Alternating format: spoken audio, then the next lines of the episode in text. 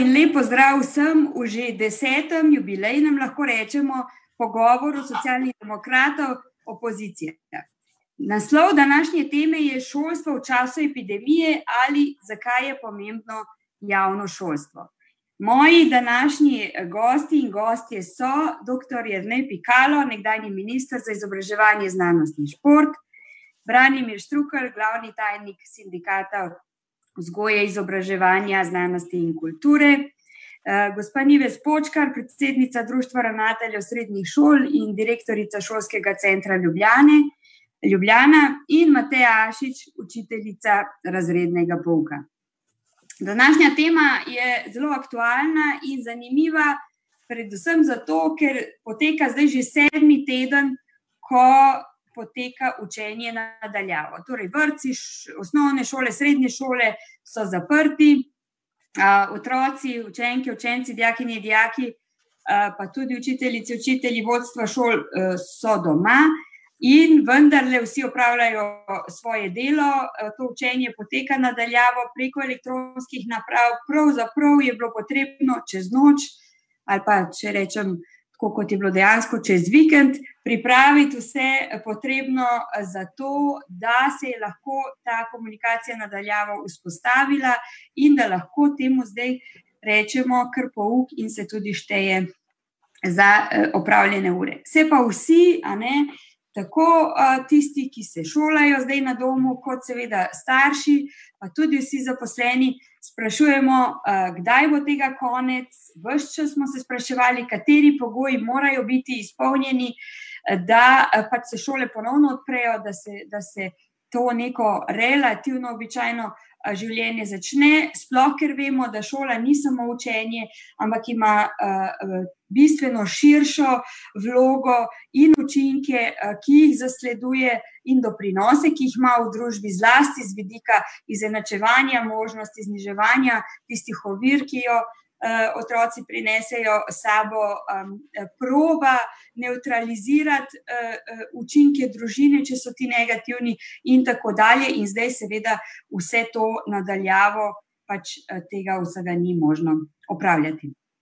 Torej, začela bi kar z, z Matejo Ašič, učiteljico razrednega pouka, Mateja, povejte mi, kako je izgledalo teh vaših sedem tednov do zdaj, kako je potekalo to učenje na daljavo, vendarle imate učenke in učence, torej razredne stopnje, ki niso niti še toliko vešči te elektronske komunikacije, pa tudi za vas verjetno je bila to novost. ja, najprej hvala za povabilo. Ja, bil je kar velik izziv, nekako je bilo naključje, glih petek trinajsti je bil, ko nam je vodstvo šole predstavilo, kam bo šlo šolstvo zdaj v tem času, ne. tako da odzivi so bili različni, nekateri so težko verjeli, kolegi, kam pa, kaj pa to zdaj je, kaj pa, kaj pa to en hec, pa tako zelo neverjetno, ne. Ampak moram reči, da smo se na naši šoli kar hitro organizirali, no, glede na to, da nekatere šole prvi teden niso imele takega odziva, no, potem sodeč, kakor sem slišala iz medijev, sicer več ne vem, podrobno težko sodim. menim, da je bil sam začetek zelo pomemben od tega, kako je pristopil ravnatelj. pri nas so bila jasno povedana navodila, razdelitev nalog, ne vem sicer, koliko je bilo to izrečeno iz ust tudi navodil ministrstva, bo mogoče bivši minister potem kaj povedal. v glavnem, vedelo, vedelo se je, kaj se pričakuje. Vedelo se je, da bomo morali pokazati tudi, da delamo, ampak bolj je bilo čutiti tisti mehki pristop, ne ta strogost štetja ur. tako da ravnateljica nam je vlivala neki pogum, da to zmoremo in da nam bo uspelo. Hkrati lahko rečem potem, v ponedeljek smo začeli na polno, ne morem drugače reči. vikend je bil vmes, za razmislek, kako se bo vsak lotil, vsak aktiv, vsak razred. ugotovili smo pač, da je potrebno timsko sodelovanje, kar je prednost, ker je velik kolektiv, 800 učencev, se pravi, veliko učiteljev. Uh, res super zahvala pri nas računalničarjem, potem kolegom, ki so računalniško usposobljeni, ki poznajo računalniška urodja, ker nekateri smo bili na tem področju kar šipki.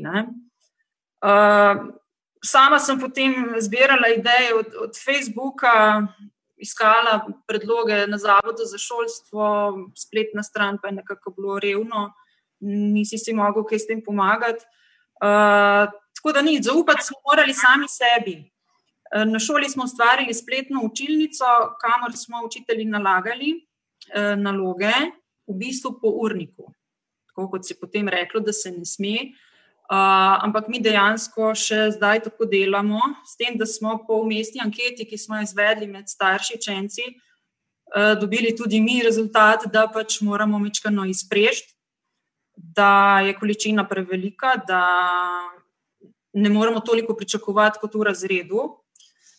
Uh, Dejansko smo s koleg, tri kolegice, recimo, učimo v petem razredu, smo si razdelili naloge po predmetih, da se res vsaka poglobi na določen učni predmet, uh, s tem, da smo določili, kaj je cilj teh nalog. Um, prav dobesedno, danes boš ne, tvoril vprašanja, danes boš uril slušno razumevanje besedil. Uh, tako da je bilo otrokom res povsem jasno, kaj morajo delati, in so lahko samostojno se lotili tega dela. Uh, imeli smo s kolegicami več čas v mislih, da starši ne morejo več čas sedeti zraven. Pričakovali pa smo nekako, da bodo pa morali vse pogledati, če so naredili. Tako da si nismo zastavili to tako, da bi moral vsak izdelek otrok, ki ga je napisal v zvezek, poslati nam učiteljicam, ker je enostavno bilo tega preveč. 27 učencev je, imam jaz recimo. Uh, tako da posluževali smo se pa različnih, se še vedno, ne, interaktivna gradiva, z teh založb, uh, YouTube posnetkov, ekošola je imela zelo dobre prispevke, morali so se zelo potrudili, naj bi zdaj neko reklamo za ložba roko, izobraževanje za učitelje, stres, tesnoba, uh, zdaj le spet orodja računalniška, res lahko pohvalim, čeprav ne vem, ali je to mestno, ampak ja, velika opora so bili. Eh, tako da verjetno je zdaj odvisno tudi glede na starost učencev. Prvi razred, kolegice so zbrali drug pristop, več se snemajo, eh, več animirajo učence. Eh, mi v petem razredu smo bolj uporabljali zapis, hkrati smo tudi staršem smo jih seznanili, da se nam zdi pomembno, da se naučijo natančno brati navodila in navodila so bila tudi res konkretno, kratka, napisana, da so lahko otroci sami to sprejeli. Za vsako uro je bil potreben zapis v zvezek, v smislu neke naloge, ki potem, če je otrok naredil, je dobil neko tabelsko sliko, mi rečemo, zapis v zvezek. Ne. Rešitve so dobili potem naslednji dan ali pa naslednjo uro, tako da tisti, ki ni znal, je še vedno lahko samo prepisal. Ne. Zdaj, koliko je to kvalitetno, je pa spet odvisno od velik faktorjev, kar se doma dogaja ne, v družini. Zdaj, kar, kar smo preverjali, nismo, ne preverjamo vseh izdelkov, določene izdelke, ki so tipični, recimo pisanje daljših besedil, pa potem odgovorimo otrokom. Tako da ta del je tako nekako enak za celo šolo. Potem je pa vsak učitelj svoje pristopal, jaz sem dala bolj prioriteto odnosom, kot bom rekla, misel na ocenjevanje, čeprav nam pač zdaj to kaže in mi ni všeč. Um, Takoj sem želela spostaviti stik z otroki, ker nisem vedela, kaj se z njimi dogaja. Uh, se pravi, znanje staršev, računalniško upismenjeni niso vsi. Te, to, to je bilo videti, nekaterim celo mail težko napisati, uh, zlasti pri seljenci. Uh, pri nas uh, imamo v mestu revoz veliko priseljencev. Eh, hodijo delati iz Bosne in Hercegovine. Bom rekla, so tudi družine, ki so bile traumatizirane od vojne, in tako, tako da je bilo potrebno prisluhniti na en poseben način, tudi s telefonskimi klici na dom, kako je, da so vzpostavili uh, opremo, signale in tako naprej. Zdaj, eni učenci so imeli računalnik, pa kamere ni bilo gor, tako da različne variante od učenca do učenca, ali signal ni bil dober, star, ali starši niso znali, ali oprema ni bila popolna. Jaz sem želela, pač, oziroma imam še uh, spostavljati prioriteto odnosu, se pravi, enkrat na teden se srečujem z učenci preko video srečanja, mi rečemo temu.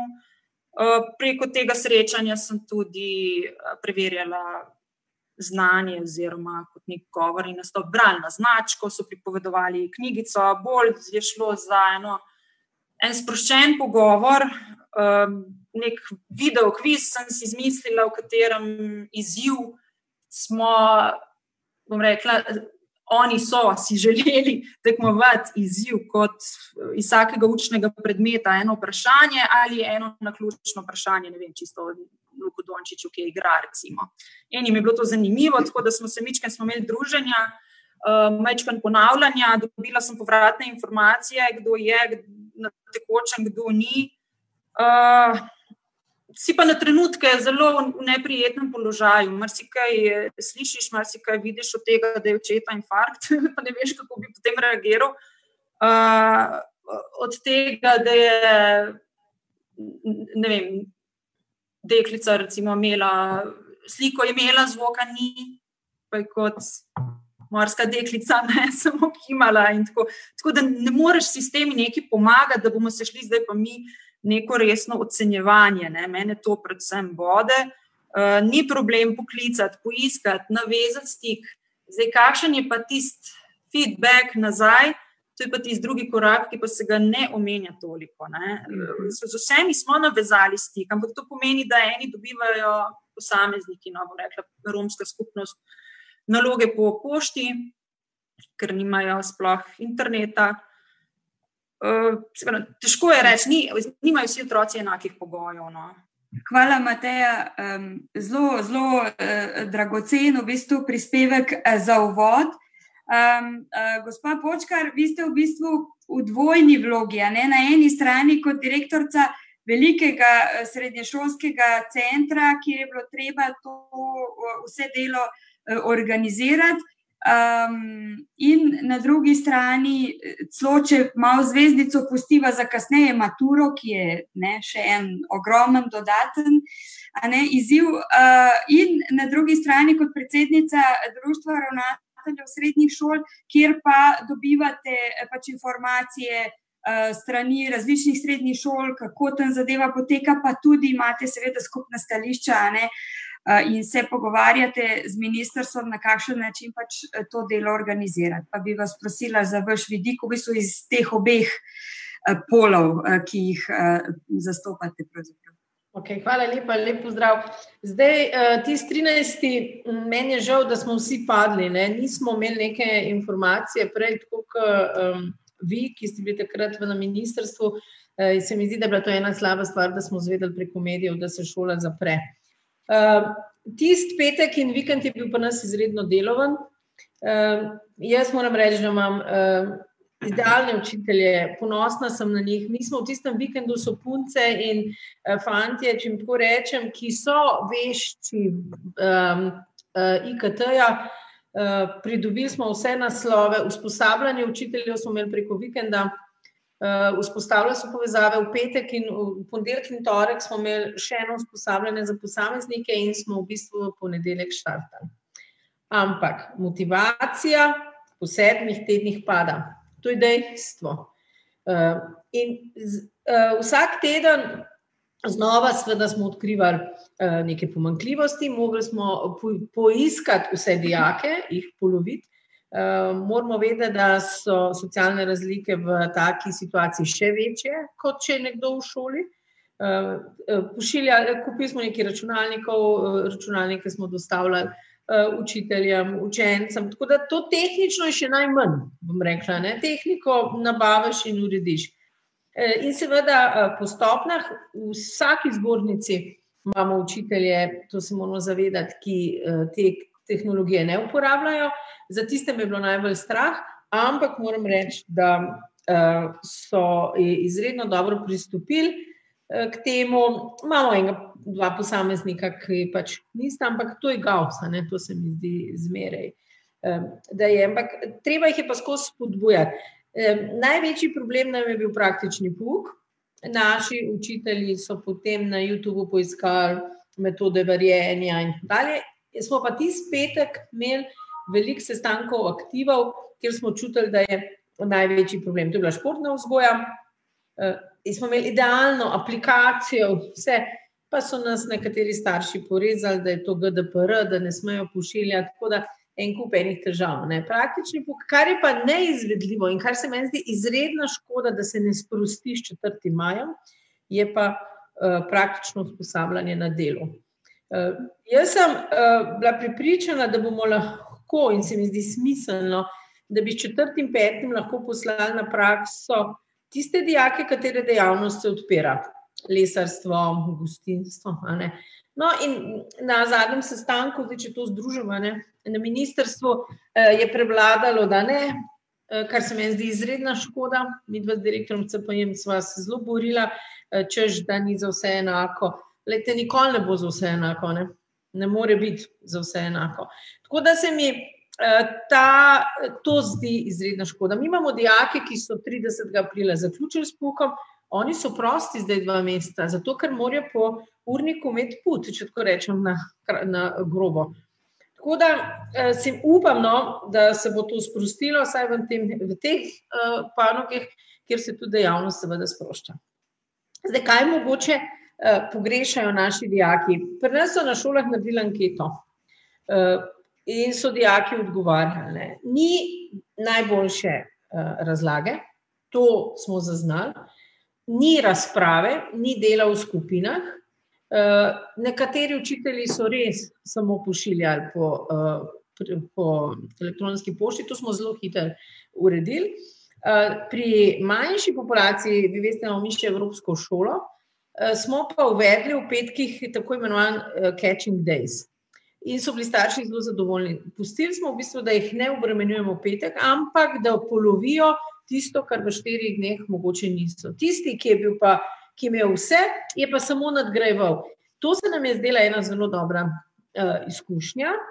In pa zelo so uh, bili pohvaljene učiteljice, ki so imeli kar uh, vsako jutro video klic z dijaki in učenci, 10-15 minut, zato da se ohranijo ta živi stik. In to poteka še danes, to moram reči. Ta živi stik, vendar v, maj, v otroci, ki jih imamo od 6 do 10 let, brez podpore staršev, to ne gre.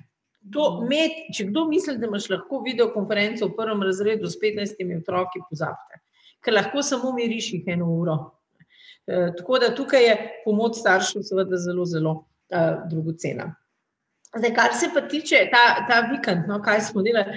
E, v nedeljo sem imela jaz že zbrano poročilo 70% e, srednjih šol, kako so zastavili, kaj delajo. Moram reči, da tri srednje šole niso začele v ponedeljek, S tem so iz tiste izredne dneve ali kako tisti izredni dopust izkoristili, vsi ostali pa. In to zelo podrobno, kako delajo. Tukaj se vidi, eh, jaz ne morem zdaj primerjati osnovno šolo, ampak vem, da srednje šolci so že prej mogoče več delali z IKT eh, tehnologijo, eh, več so bili na teh medijih in seveda jim je bilo to lažje. Tako da je slika je bila v nedeljo zvečer popolna. Za vsako šolo sem v bistvu vedela, kot predsednica društva, kaj se dogaja. Tako da je bil to en velik izziv, se mi zdi pa zelo škoda, če ga ne bomo zdaj evalvirali, ker samo dobro ni. Je dobro, ampak imamo uh, kikse, imamo pomankljivosti in seveda, je, mi smo se že pogovarjali in moja ideja je, da bi zdaj vsako šolsko leto imeli en teden izobraževanja nadaljavo kot tak internetni teden, zato ker bi bilo škoda, tisti ljudje, ki so to uh, se naučili in zdaj delajo, da bi to kar pozabili. Se mi zdi ena taka nova priložnost, eh, da bomo s tem internet, internetnim tednom uh, to nadaljevali. Hvala lepa. Um, uh, Brane Štrukal, kot dolgoletni glavni tajnik um, Sviza, kot glavnega sindikata na področju vzgoja in izobraževanja, zagotovo že od prvega dneva naprej dobivate ogromno uh, odzivov, učiteljev, učiteljc. Um, aktivov na splošno, kaj se dogaja, predloge, kako vi ocenjujete zdaj ta dogajanja v sedmih tednih in kaj, kako bi strnili v bistvu te dogodke, kaj se kaže, kaj lahko, kakšne ocene neke prve že lahko, že lahko potegnemo in kako, kako naprej. Ja, hvala lepa za povabilo, lepo pozdravljeni vsi skupaj. Res je, da dobivamo ogromno odzivov. Moram reči, da je nekoliko presenetila ta izrazita aktivnost učiteljstva, ki ima tudi cel kup predlogov in idej za izboljšave. Na vse zadnje se je po moji presoji zelo dobro pokazalo, da znamo tudi improvizirati, kar je eden od bom rekel, da je eno od dejstev, ki gre proti očitkom, recimo zlasti podpornikov zasebnih šol, da je javna šola rigidna in tako naprej. Če se zdaj ni pokazala neka inventivnost tako ravnateljev kot učiteljstva, ki so bili včasih brez navodil, pa so kljub vsemu izjemno dobro obvladovali to situacijo v razmerah, ki niso bile vedno zelo naklonjene. Tako da po mojem si uh, učiteljstvo definitivno uh, zasluži pozitivno oceno, eh, eh, eh, kar se tega tiče. Rad bi tisto, kar je tudi kolegica Mateja na začetku rekla, izpostavil računalničarje. Mi smo, oni so odigrali izjemno pomembno vlogo v tem trenutku, čeprav že 20 let poskušamo izboljšati njihove normative. Upam, da bo zdaj nastopil trenutek, ki bomo lahko za to dodatno delo ustrezno nagradili. Mi smo ministrstvo že to uh, zahtevo dali, vendar pravega odziva zaenkrat ni. Uh, enako kot je rekla tudi Nives, uh, uh, bi bilo potrebno zdaj takoj narediti evalvacijo, neko resno evalvacijo, uh, kaj se je dogajalo v teh dveh mesecih, zato da bi se nekaj naučili za naprej. Skratka, tu je pomembna naloga oceniti kako so stvari funkcionirale, ki pa mora vključiti natančno tisti element, ki ga je tudi kolegica Mateja omenila, to je razlike, ki so nastale zaradi socialno različnih položajev otrok v družinah. To se mi zdi izjemno pomembna evalvacija, ki jo je potrebno narediti, kajti tu učenci, učenke, dijaki niso bili v enakem položaju, prej nasprotno, eh, razlike so se v resnici, dlje kot so bili doma, so se povečevalo. Zaradi razlogov, ki so bili danes že omenjeni, ali zaradi tega, ker starši zaradi svoje izobrazbe, česar koli, niso usposobljeni otrokom pomagati, ali zaradi šibkih materialnih položajev ena družina brez računalnika, z enim računalnikom, slabo povezavo, ne, trije v eni sobi. Skratka, vse te reči so delale razlike, kar je seveda spet argument, eh, ki ga v Svizu desetletja zagovarjamo, kako pomembna je javna šola, ki te razlike, ki nastajajo doma, neutralizira in jih zmanjšuje. V javni šoli je isti učitelj, isti laboratorij, iste mize, enaki pogoji in seveda zdaj nazorno lahko vidimo, kako je to izjemnega pomena za družbo, ker se te razlike, ki prihajajo od doma, lahko vsaj zmanjšujejo in neutralizirajo. Zato je to, kar se tega tiče, dobra izkušnja. Tisto, kar je uh, manj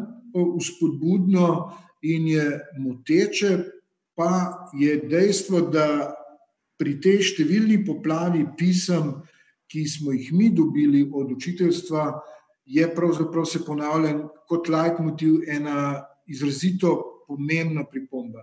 Nas nihče ne posluša, kako je treba te stvari narediti. In seveda, če vzgojiteljice v vrtcih in učiteljice, učitelji v šolah ne vedo, kako je treba to stvar početi, ker poznajo v drobovje funkcioniranje otrok, šole, organiziranosti, ne, potem lahko tukaj mnogo izgubimo, čisto brez potrebe, ker ta komunikacija ne poteka. In ena od naših ključnih zahtev je, da se nas vključi kot praktike v vse tiste elemente odločanja, ki bodo zdaj pomembni pri obnovitvi dela v šolah in vrtcih, ker mi vemo, kako se te stvari tiče. Kdo drug kot učitelji in ravnatelji pa vedo toliko o tem, kako naj bi te stvari funkcionirale. In zato bomo pri tem kategorično ustrajali, kajti sicer stvari ne bodo šle v redu. Hvala lepa. Samo eno kratko pod vprašanje, sem prav razumela. Torej, pri teh dosedanjih razpravah, v teh razpravah, v teh sedmih tednih, kako naj poteka to e-učenje, na kakšen način ocenjevanje, da ali ne, kako naj se to delo učiteljem šteje, če tako po domače rečem. Ali vse te pogovore, pa razmišljanja, preden so bile te odločitve sprejete, niste bili vključeni uh, kot sindikat, ki? Torej, mi smo uh, imeli en sestanek, kjer smo poskušali izpostaviti ključne probleme, ki se dogajajo v, povezavi s tem. Uh, Poukom ali izobraževanjem, bolj rečeno, nadaljavo smo se tu izsilili tudi to, da so nas vključili v tisto skupino, ki pripravlja izvedbo mature, ker v začetku sploh ni bilo mišljeno, da bi učitelji praktiki pri tem sodelovali. Pa so nas potem že naslednji dan zabrisali, ven, če po domače reče, ker so rekli, da to ni uh, tehnične stvari, hišni red, pa to protokoli, ne, spet, mislim, težko razumem protokoli, kako bo to teklo, niso, uh, nismo potrebni in smo dobili uljudno sporočilo zvečer, da pač nismo potrebni na tem sestanku. Protestirali, meni se zdi to slabo, seveda. In, uh, če pogledam kolege in kolegice po Evropi, zlasti v državah z demokratično tradicijo, so seveda učiteljstvo, praktiki preko sindikatov, da ne bo kakšne pomote, uh, vključeni v te pogovore z oblastmi, in tega je pri nas bistveno premalo. Hvala. Mm, Jrnej Pikalo, kot bivši minister, um, ki je svoj mandat zaključil ravno v obdobju, ne, ko, ko je bilo odrejeno to zaprtje šol, um, na začetku smo nekako ocenjevali, ne, da 14 dni zagotovo, potem bo pa potrebna ocena, uh, pogledati ne, vse in se odločiti, na kakšen način naprej. Uh, kako, kako gledaš zdaj na situacijo um, po vseh teh tednih, kako se ti zdi v bistvu, um, kaj se je pač dogajalo in, in kaj za naprej? Ja. Najprej, zdaj, seveda, prav lepo pozdravljeni uh, vsi. Uh, zdaj, kar se tiče, res je, mi smo takrat gledali uh, eh, 14 dni kot tisto uh, neko obdobje, ko je pravzaprav najhujši del epidemije bil uh, pred nami in potem bi ocenili uh, za naprej. Zdaj, to ne pomeni, da smo mi tistega 13.3. pač padli v nek vakum. Uh, ampak smo uh, vse že par dni, če ne že uh, teden dni predtem, tudi imeli sestanke glede tega uh, online, kakorkoli izobraževanja nadaljavo. Takrat na tistim, vsej na enem ali dveh sestankih, ki smo ga imeli tudi z RTV-jem, z Arnesom, z ostalimi spletnimi ponudniki in tako naprej, se je izkazalo eno. Torej, da na eni strani smo v preteklih desetih letih res imeli kar nekaj učiteljev, oziroma veliko število učiteljev, celo, ki so šli skozi take ali drugačne oblike izobraževanja, uh, kar se tiče uh, online, uh, online poučevanja, seveda pa v praksi tega nismo počeli. In to se je že takrat, v tistem tednu do 13.3., uh, izkazovalo kot, po moje, največji, največji problem tudi, vem, tudi druge raziskave, ki smo jih v preteklosti imeli, so nam kazali, da naši učitelji sicer vedo, kako se uporablja to tehnologijo in, so, uh, in celo znajo, ampak ni jim pa udobno. Uh, je pa to nekaj, kar jim ni udobno. Ampak, kot je rekel uh, glavni tajnik Sviza, jaz mislim, da je treba vso priznanje vsem tehničnim delavcem in seveda učiteljem izreči, zato ker so upravljali izjemno delo. Tisto dve stvari, ki pa pravzaprav bi pa morale priti z vrha, zdaj, če gledamo uh, sistemsko, je pa, da bi uh, potem, ko je nastopila nova vlada, pravzaprav morala razmišljati o dveh, uh, dveh stvarih. Ena, torej trenutno, kako čim bolj, čim prej in tako naprej urediti to izobraževanje nadaljavo, dajati jasna navodila, jasno komunicirati uh, in tako naprej. In seveda takoj, takoj se začeti ukvarjati z tako imenovano izhodno strategijo, torej, ko bodo javno, javno zdravstveno epidemiološko stanje nastopilo, da je mogoče šole odpreti, takrat bi mi morali imeti narejene načrte. Teh načrtov pa še danes, seveda, vidimo, da ni, da je iz dneva v dan, pravzaprav so drugačna sporočila, ni jasno, kdaj, kdo, kam uh, uh, gre. Od včeraj zvečer, oziroma od danes zjutraj, uh, je jasno to, da uh, očitno prva, uh, prva triada plus uh, deveti razred, uh, plus deveti razred čez en teden, ostali ne vemo. Torej, očitno bodo doma uh, zaključili, uh, zaključili svoje razrede, kako bodo ocenjeni, so bila navodila, ampak učitelji bodo sami znali najbolje presoditi, ali so bila v redu navodila ali niso bila v redu navodila, ali sploh lahko na ta način izvedejo uh, ocenjevanje. Ker to je, uh, uh, to je bistvo. Skratka, tisto, kar jaz poskušam izpostaviti, je, da uh, nimamo ali pa nismo imeli jasno določene izhodne strategije. In predvsem tisto, kar je tudi že bilo izpostavljeno na tem spletnem pogovoru, ni jasne komunikacije. Hmm. Brez jasne komunikacije, ker šola je velik sistem. In šolski sistem je preprosto prevelik, tu odločanje iz dneva v dan ne gre. Mi zato, samo zato, recimo, da bomo tehnične pogoje vzpostavili, da bodo naše šole kot, eh, kot hiše delovale, po mojem, rabimo vsej en teden. Veliko lažje je zapreti, kot pa na novo, uh, kot pa na novo odpreti. In zato rabimo jasno komunikacijo, in predvsem iz jasne komunikacije se bo potem rodilo tudi zaupanje. Ker ti uh, tu je problem staršev, manj otrok, pa seveda učiteljev, uh, pa, uh, pa šolskih uprav, če, tako, uh, če, lahko, uh, če lahko tako rečem. In brez jasne komunikacije, ki je seveda na nek način komunikacija uh, za vrha, pač tega zaupanja, uh, bo pač to zaupanje težko vzpostavljati. Jaz bi tukaj samo še eno stvar, da, da lahko gremo potem naprej v debato, mogoče rad izpostavil. Danes nismo govorili toliko o visokem šolstvu, niti o, uh, o višjem šolstvu. Tudi tam, čeprav tam je delo uh, z odraslimi, uh, so vprašanja, so problemi in je tudi tam bo seveda treba, uh, bo seveda treba evalvirati. Največje vprašanje so vem, od kliničnih vaj do nekih stvari, ki vendarle morajo biti upravljene v nekem letniku, zato da se lahko nadaljuje v uh, naslednji letnik. Jaz si ne znam predstavljati, da neke, uh, da neke klinične vaje ali neke druge vaje, ki so nujne za to, da se nadaljuje, uh, niso opravljene. In uh, me prav zanima, oziroma to je ena od stvari, ki bo seveda univerze morale rešiti, kako, uh, to, zadevo, uh, kako to zadevo izpeljati.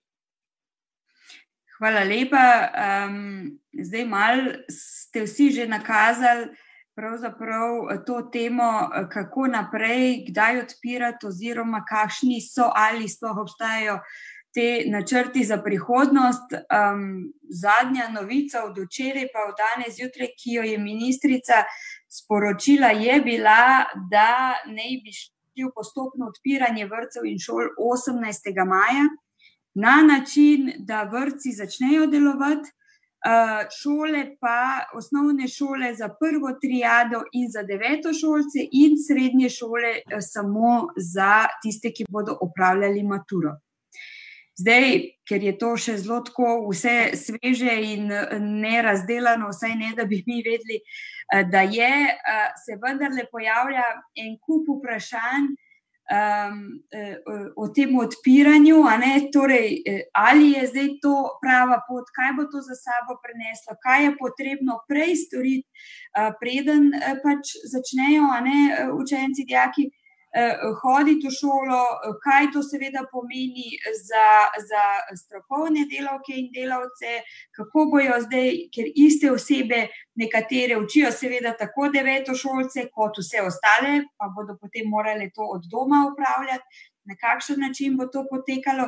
Skratka, jaz vem, da se verjetno tudi vam eh, postavljajo vsa ta vprašanja, oziroma bom, bom eh, vprašala drugače, ali ste vi tudi tako iz medijev zvedeli za ta 18. maj in za načrte, ali tukaj obstajajo dejansko uh, dogovarjanja, na kakšen način to izvesti, in, in um, je pač plan narejen, pa seveda bo samo javnosti uh, postopoma uh, predstavljen.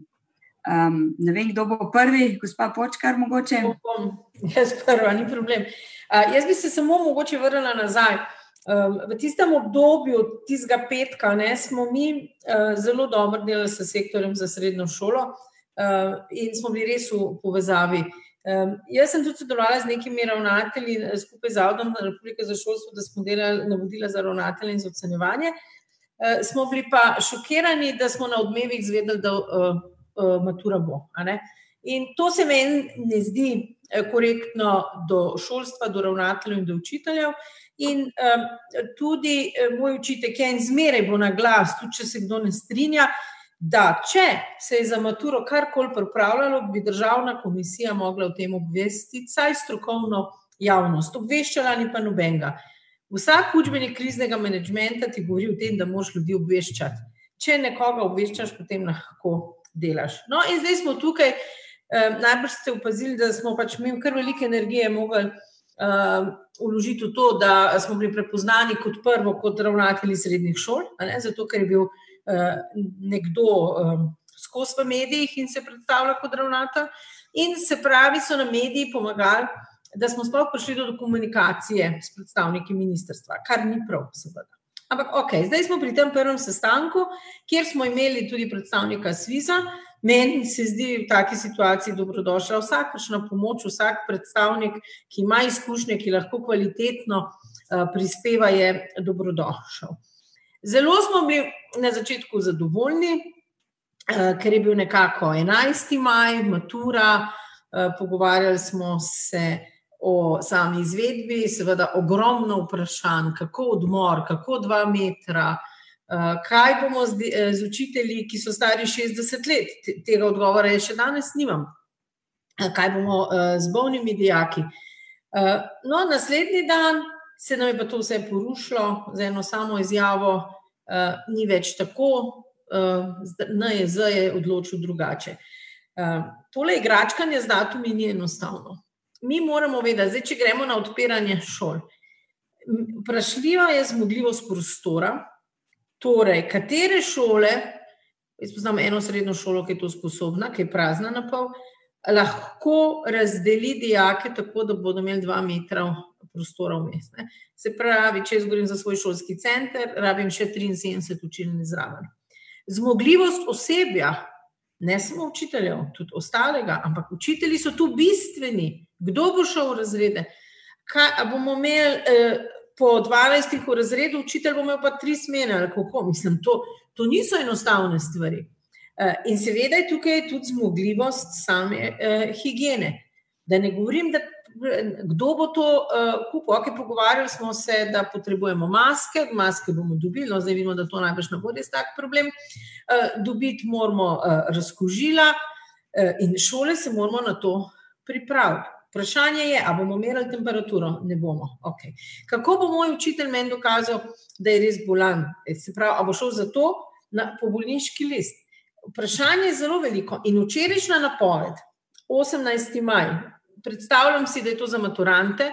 Hvala Bogu, da je, čeprav je še zmeraj prepozno. Maturanti bi mogli četrtega, petega sedeti, da bi uh, šli v ta miselni ustroj, da bi jih. In maturante lahko vsaka šola. Eh, organizira, dovolj prostora imamo tudi za ta dva metra, da bi to speljali. Um, ampak, če mi ne bomo dobili jasnih navodil, pravočasno se bo zgodilo tako kot na Danskem, da je bilo 50% šol pripravljenih in so jih odprli, 50% jih je odpirali počasi. To niso heci in to je treba jasno sporočiti. Prebrisati vse je najmanj, ampak če nimaš ljudi, ki jih boš urazil, Eh, jaz si predstavljam to takole. Mojih 25% učiteljev so rizična skupina, bodo ostali doma, ok, bodo delali izobraževanje nadaljavo z ostalimi od 1 do 3. Kdo bo pa delal eh, v šoli, s temi jaz tega odgovora nimam. Danci, be, govorimo o Dancih, zato ker mi je včeraj moj kolega z Danske poslal na treh straneh, totalen popis stanja, zelo dobro branje. In je rekel, potrebujemo dodatna sredstva za učitelje, najemamo učitelje, zato ker se razred kar naenkrat razdeli na tri, ne samo na dva.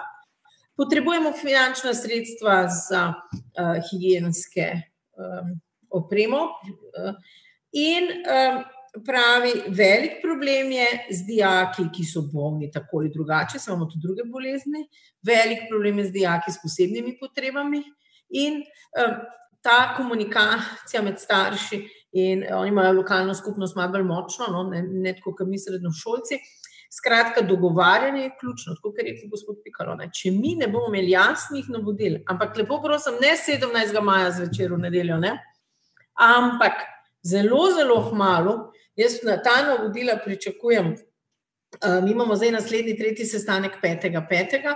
in jaz upam, da bo NIZ uh, ta navodila prinesel. Jaz verjamem, da je veliko vprašanj.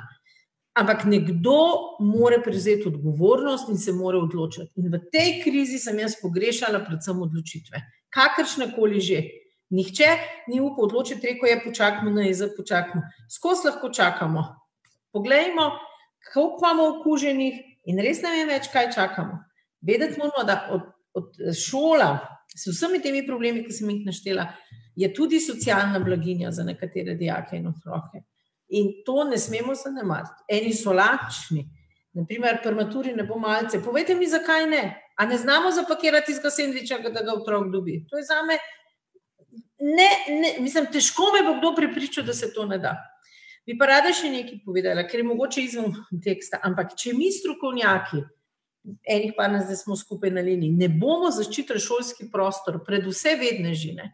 Uprostite, da meni po televiziji nekdo govori, da kako ne poteka matura, kako ne poteka za ključni spit.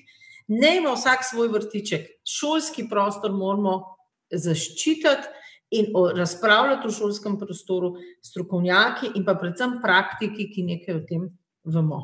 Tako bom zaključila, da bo lahko še do druge povedala. Ja, samo še eno zelo kratko vprašanje, pa bi pa vse prosila, da bolj strnjeno govorimo, ker imamo žal samo še 15 minut. Dobili smo vprašanje eh, online in sicer Nik sprašuje, zakaj bomo morali opravljati nespremenjeno maturo pri neenakih pogojih s prejšnjimi generacijami. Ali je zdaj ta odločitev glede mature dokončna sploh? Zdaj, predsednica Državne komisije za splošno maturo mi je uh, povedala, da oni so naredili zelo veliko prilagoditev. Prosim, naj pove jih na glas. Prilagoditve v, pre, uh, v uh, prestavitvi datuma za dijaka ni to nobena prilagoditev, bodimo, bodimo odkriti. Uh, prilagoditve pri ocenevanju se bodo naredile nobena nivo. Novost to se dela vsako leto, ko se dobi maturo. Dijaki, po mojem mnenju, bi mogli dobiti en odpustek. In jaz sem rekel, pejmo brez, moj predlog je brez ustnih izpraševanj. Čeprav ustno spraševanje najlažje naredimo, ne? tam je eden v prostoru, razkuš roke, razkuš ti slistek. A, no, ni nič ni sprejet, ne? celo učitek je bil, eh, kaj se oglašam, da je tako državna komisija za to. No, pa se naj pa ta državna komisija oglasi in naj saj maturantom in ravnateljem pove, kakšni, kakšne so te prilagoditve. Jaz to v javnosti pogrešam. Zdaj, če pa to oska stroka, ne pa saj povedo, da naredili smo prilagoditve. Ampak uh, za enkrat, kot uh, nik sprašuje, ne, gre matura uh, po, uh, po, takem, po takem obsegu, kot je šla. Obseg, obseg ni nič manjši. Jaz bi predlagala, da ne bo en izbirni predmet manj. Tudi to bi bil en pustek. Eh, usno, da so tam boljše ocene. Lepo vas prosim, pač ne bo tistih boljših ocen, se bodo vsi na istem. Eh, tako da, ne vem, sploh se mi pa zdi zelo narobe že sistem, da imamo maturo za to, eh, da je to vstopnica za univerzo. Ne. Matura bi mogla biti zaključek nekega srednješolskega obdobja, ne pa da je matura sprejemni spit za univerze. In zdaj se kaže, da univerze ne morejo v tako kratkem času se ne organizirati. Ne, um, in jaz verjamem, da, um, da matura mora biti za te. Ampak dajmo jo prilagoditi. In o tem res ni govora, no, kot ste vprašali. Mm -hmm. e, e, predvsem vidim, mislim, vse jaz tudi to občutim, ne, veliko negotovosti. In zdaj, če pač ne, za, verjetno za deveto šolce, pa zlasti za tiste, ki bi morali, oziroma bodo letos opravljali maturo, je pa ta negotovost še toliko veli, večji faktor stresa, ker pač če en mesec prej ne veš, ne, itak. V resnici se jim ne, esej začel že v začetku maja, vedno.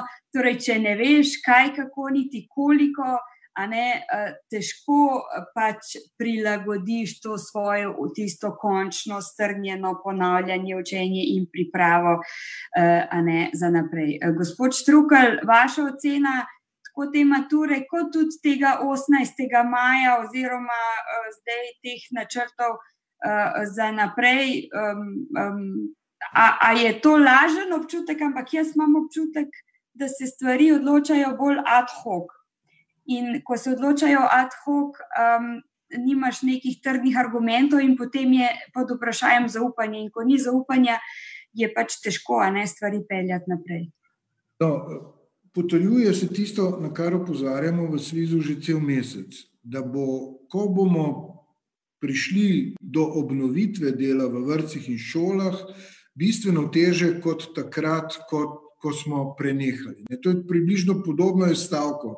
Lahko je vanjo iti, bistveno teže je iz nje izstopiti, ne, ker so te zahteve, ta situacija bistveno zahtevnejša. In zato smo upozarjali, da dajmo pravočasno to, kar je tudi Nina spovedala, pripraviti protokole, ki bo zato, ker učitelji in učiteljice, vzgojitelji v vrtci potrebujemo čas, da to preučimo, da se dogovorimo. Niso vse šole enake, specifične so prostorsko, organizacijsko, imajo različne socialne, uh, iz katerih otroci prihajajo, iz različnih socialnih okolij, in to ni vse isti šmor. In zato potrebuješ nekaj časa. In tisto, kar je Nives rekla, je bistveno. Ne? ne, da bomo mi 17. maja dobili na, na mizo nekaj, zdaj pa tako le delajte. Zraven ne bomo mogli sodelovati, ne, da nihče nas ne bo poslušal, da bi jih pravočasno opozorili, kaj bo šlo na robe, potem bomo pa zadnji trenutek vrženi pred neko dejstvo, od katerih ne, jih polovica ne bo funkcionirala, že ko jih pogledaš oddaleč. To se mi zdi izjemnega pomena. De, kar se tiče mature, Naše mnenje je, da seveda bi ravno tako bilo smiselno razpravljati o nekih prilagoditvah. Tisto, kar je bilo narobe, dijakov, maturantov niso nič poslušali. Čeprav so oni imeli izjemno, bom rekel, resne in uravnotežene pripombe. Sam, če pogledamo v pismo Poljanske gimnazije, oni so rekli, vse mi nismo strokovnjaki, ampak dajte nas poslušati, vse so nas zadnje odrasli ljudje. In ta aroganca, bom rekel, te stroke, ne, da poslušate, mi vse vemo, ostali pa nič ne veste, ne učitelji praktiki, ki vsak dan maturo leta in leta delamo, dijaki ne smejo nič reči, je narobe. Ni ta matura zgolj strokovno vprašanje. Tukaj gre za maturo, ki je v posebnih okoliščinah izpeljana in zato je dobro, da se participira, da, da je dialoška struktura, kako jo bomo izpeljali. In celo tisti, ki želimo prevzeti odgovornost na sebe, zato da bi bilo to kakovostno narejeno, smo na nek način ne, potisnjeni ob rob. In to se mi zdi izrazito narobe, tako kot eh, to, da se diaške organizacije ne vključi, da vsaj povedo, kakšno je njihov pogled eh, na, na, na to zadevo. Ne. In tu mislim, da je en povsem napačen nastavek. In uh, Če ne bo prišlo do pravočasnega oblikovanja teh protokolov, potem upozarjamo v Svizu, da grejo stvari lahko na robe. Kajti to so, kot je rekla tudi Nives in kot je rekla tudi voditeljica, ne, zelo kompleksni procesi, ki se jih ne da delati na pamet in improvizirati. In jaz se bojim, da je prav to. Eh, glavno, bom rekel, glavni pristop eh, zdaj eh, oblasti, da improvizirajo. Lahko je eno repliko, no, ker se z Branetom ne strinjam v eni točki. Ne. Dijaki niso strokovna javnost in uh, že to, da so bili najprej dijaki povabljeni pred ravnatelji, uh, se meni ne zdi prav. Dajmo mi najprej odrasli, ki poznamo ta posel, doreči. Uh, tudi dijaki niso bili tako enotni. Ne. Ena dijakinja je bila proti maturi, je pisala, ena za, ampak ok, so, so, so uh, socialni partner, uh, razumem, ne, so pa. Uh, nujno je pa, da se jih obvešča. No, Imajo diaško organizacijo, ki je nek kvalificiran sogovornik. Če bom pa povedal. Ja, noben ne podpiše, noben dijak nič ne podpiše, da je član dijaške. Samo status dijaka ga že v to vključuje, ampak to so drugi problemi. No, sej, uh, mi imamo marsikje še zmeraj obvezno članstvo, tako da to ni nobeno. Ja. Pa še zmeraj zaupajo pač interese. So pa zagotovo, uh, a ne, morajo biti sogovorniki, ker jih spodbujamo, a ne sploh z aktivnim državljanstvom in z vsem drugim, da izoblikujejo stališča, da jih zagovarjajo in je pol prav, da jim to tudi v praksi uh, kažemo in dajemo, dajemo to možnost. Um, uh, Jerni Pikalo. Um, Jaz le zdaj dobivam uh, kar precej uh, vprašanj, zlasti um, teh osebnih stisk staršev, ki pišejo. Naprimer, če zdaj za prvo triado bodo otroci začeli obiskovati šolo, druga triada, torej četrti razred, to so 90-letni uh, otroci, a ne peti razred, to je še vedno.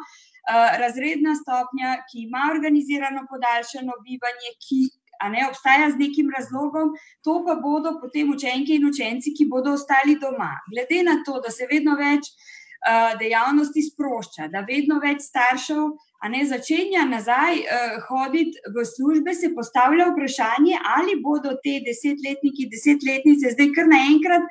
Pa sposobni samostojno biti doma 8-9 ur, se samostojno naučiti uči nadaljavo, ker bo morali vse procese potem sami izvajati oziroma kje smo, a je res to dobro premišljeno, ne, da pač pustimo, um, zdaj na pamet zračunano, a ne dve tretjini uh, uh, vseh, a ne torej osnovnošolcev, pa srednješolcev.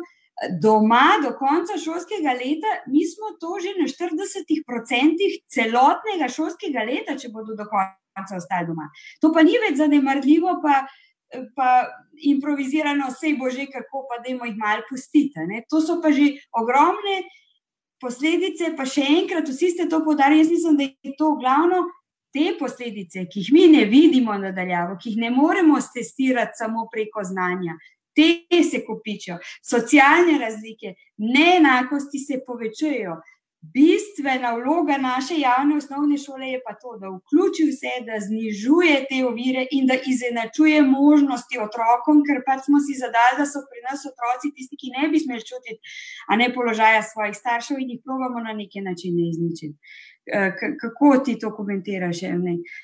Ja, uh, jaz moram reči, da zdaj, če se malo navežem nazaj na, uh, na maturo za, za, za pol minutke. Uh -huh to, da se bo to socialno stanje posameznih dijakov, tudi tistih, ki imajo posebne potrebe, ne pozabite, da imamo veliko število dijakov, ki seveda imajo posebne potrebe in niso imeli potrebne pomoči v, recimo, temu v finišu tekme uh, za maturo. In to se bo nedvomno poznalo pri rezultatih za maturo. Zdaj, če se samo na rezultatu za maturo pozna, ok, Ampak od tu naprej, glede na to, tako kot je Nives opozorila, da gre to za vstopnico za univerzo, se bodo seveda tudi potem priložnosti, če hočete, študija in kasnejše življenjske priložnosti, zaradi te neenakosti, neenakopravnosti uh, v, tem mesecu, uh, v tem mesecu in pol, v dveh mesecih, zelo poznale na kasnejših življenjskih potekih. In to je tisto, uh, na kar opozarjamo. In to je tisto, kar želimo, seveda, eh, tudi javnosti povedati. Kar pa se tiče osnovnošolskih otrok, bom pa izhajal eh, čisto iz sebe. Moja desetletnica se ni sposobna v petem razredu sama organizirati, niti ne bi bilo prav, da je sama cel dan doma. Zdaj, če mama in oče, seveda, morata v službo, zato ker se bodo te dejavnosti zagnale, potem po pravici povedano, ne vem, kako bo to funkcioniralo. Ni edini model, da rečeš prva triada ali pa do takrat, ko je podaljšano bivanje. So tudi modeli, da nekateri, uh, en del otrok hodi uh, ponedeljek, torek, sredo, drug del otrok uh, četrtek, petek. Skratka, teh modalitet organizacije pouka je veliko in učitelji, predvsem pa seveda ravnatelji so tisti, ki najbolje vedo, kako se to da uh, organizirati. Jaz sigurno ne bi šel nujno na, uh, da bi rekel, samo prva triada, pa potem uh, deveti razred, zato ker, uh, tako kot si rekla, že skoraj 40 odstotkov pouka bo pa za one od četrtega do osmega razreda izpuščenega. Nekaj bomo lahko nadomestili septembra, oktobra, ampak seveda ne, pa, ne pa vsega tega. Da o vsem tistem, kar smo prej govorili, torej o blaženju socialnih razlik, o, o drugih funkcijah, ki jih ima šola, sploh ne govorimo.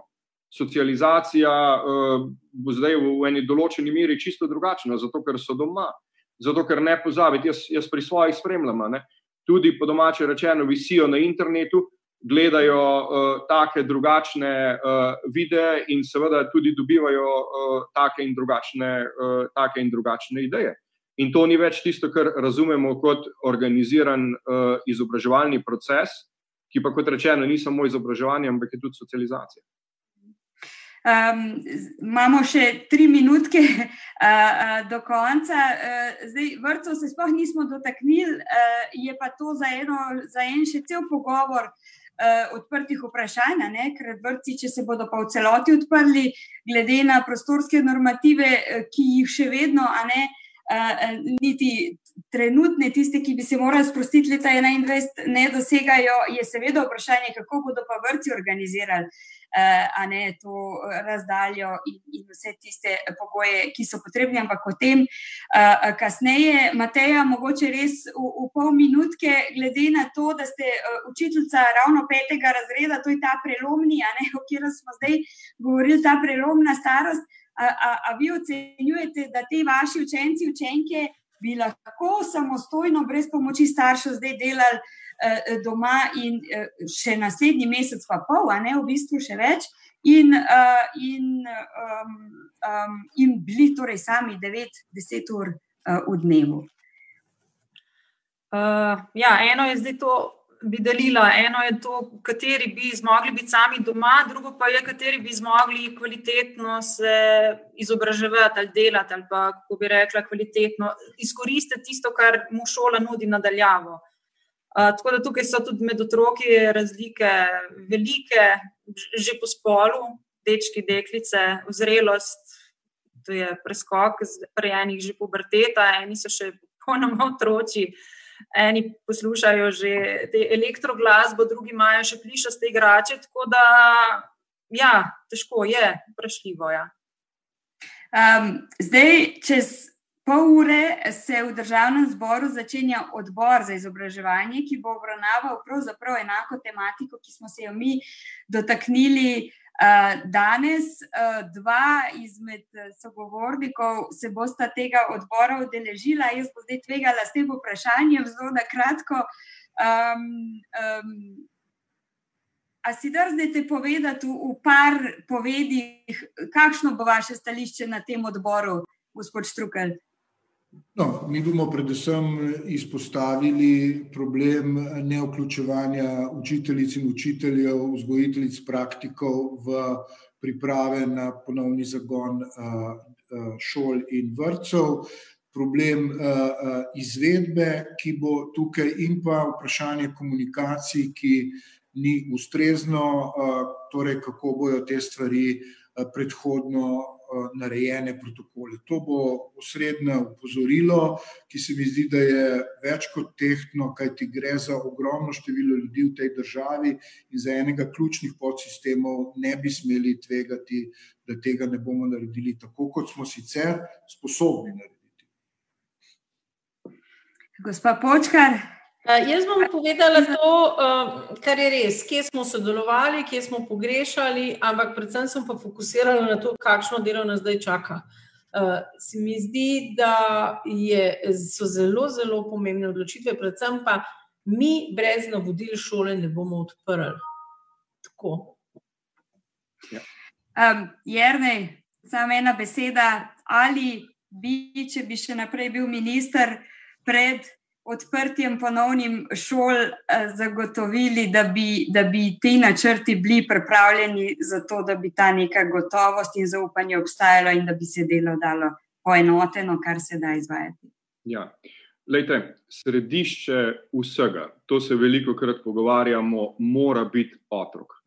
Otrok je središče izobraževalnega procesa.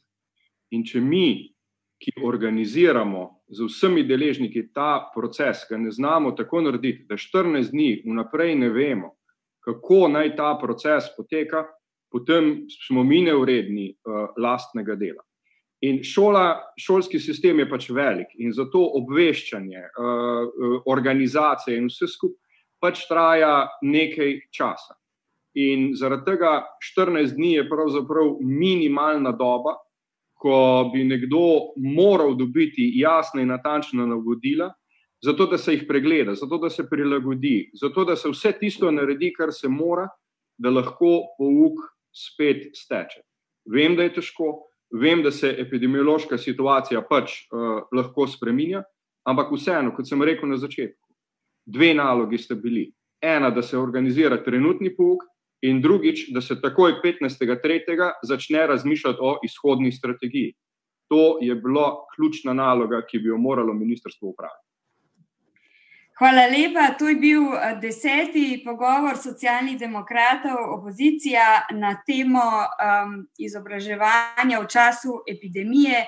Najlepša hvala obema sogovornicama in obema sogovornikoma. Za zaključek pa samo šola ni šala, zato je prav, da se resno lotimo načrtovanja za naprej. Hvala lepa vsem in uspešen dan pa spremljali bomo seveda tudi odbor državnega zbora, da vidimo, če bomo tam dobili kakšne natančnejše informacije. Hvala lepa. Adijo.